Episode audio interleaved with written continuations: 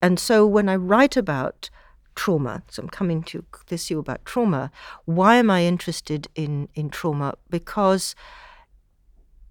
it is the extraordinary thing where you encounter work where you know dimensions of the life experience that someone has had have been unknown to them, have not driven but moved them into art making and moved them to do all sorts of things. And at certain points, you begin to see they have been, in a way, formulating a framework within which to encounter that which they are shaped by but don't know. So some many of the traumas that I've worked on are of either Holocaust survivors or the children of Holocaust survivors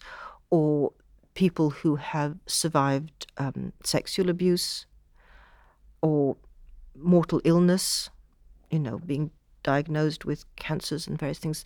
That these deep, deep experiences, which attack the body, attack your sense of self, attack your human possibility, and particularly when it's transmitted from one generation to another, where it, it is the mother's trauma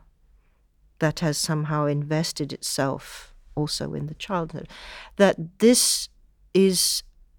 not something you travel away from, but that in many of the artist cases that I've studied, it takes a lifetime of art making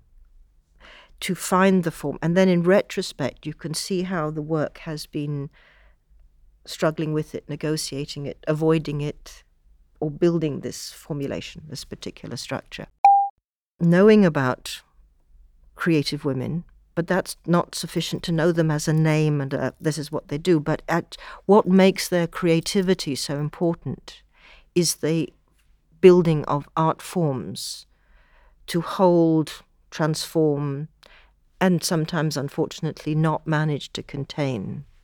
events of this profound intensity, which do relate to the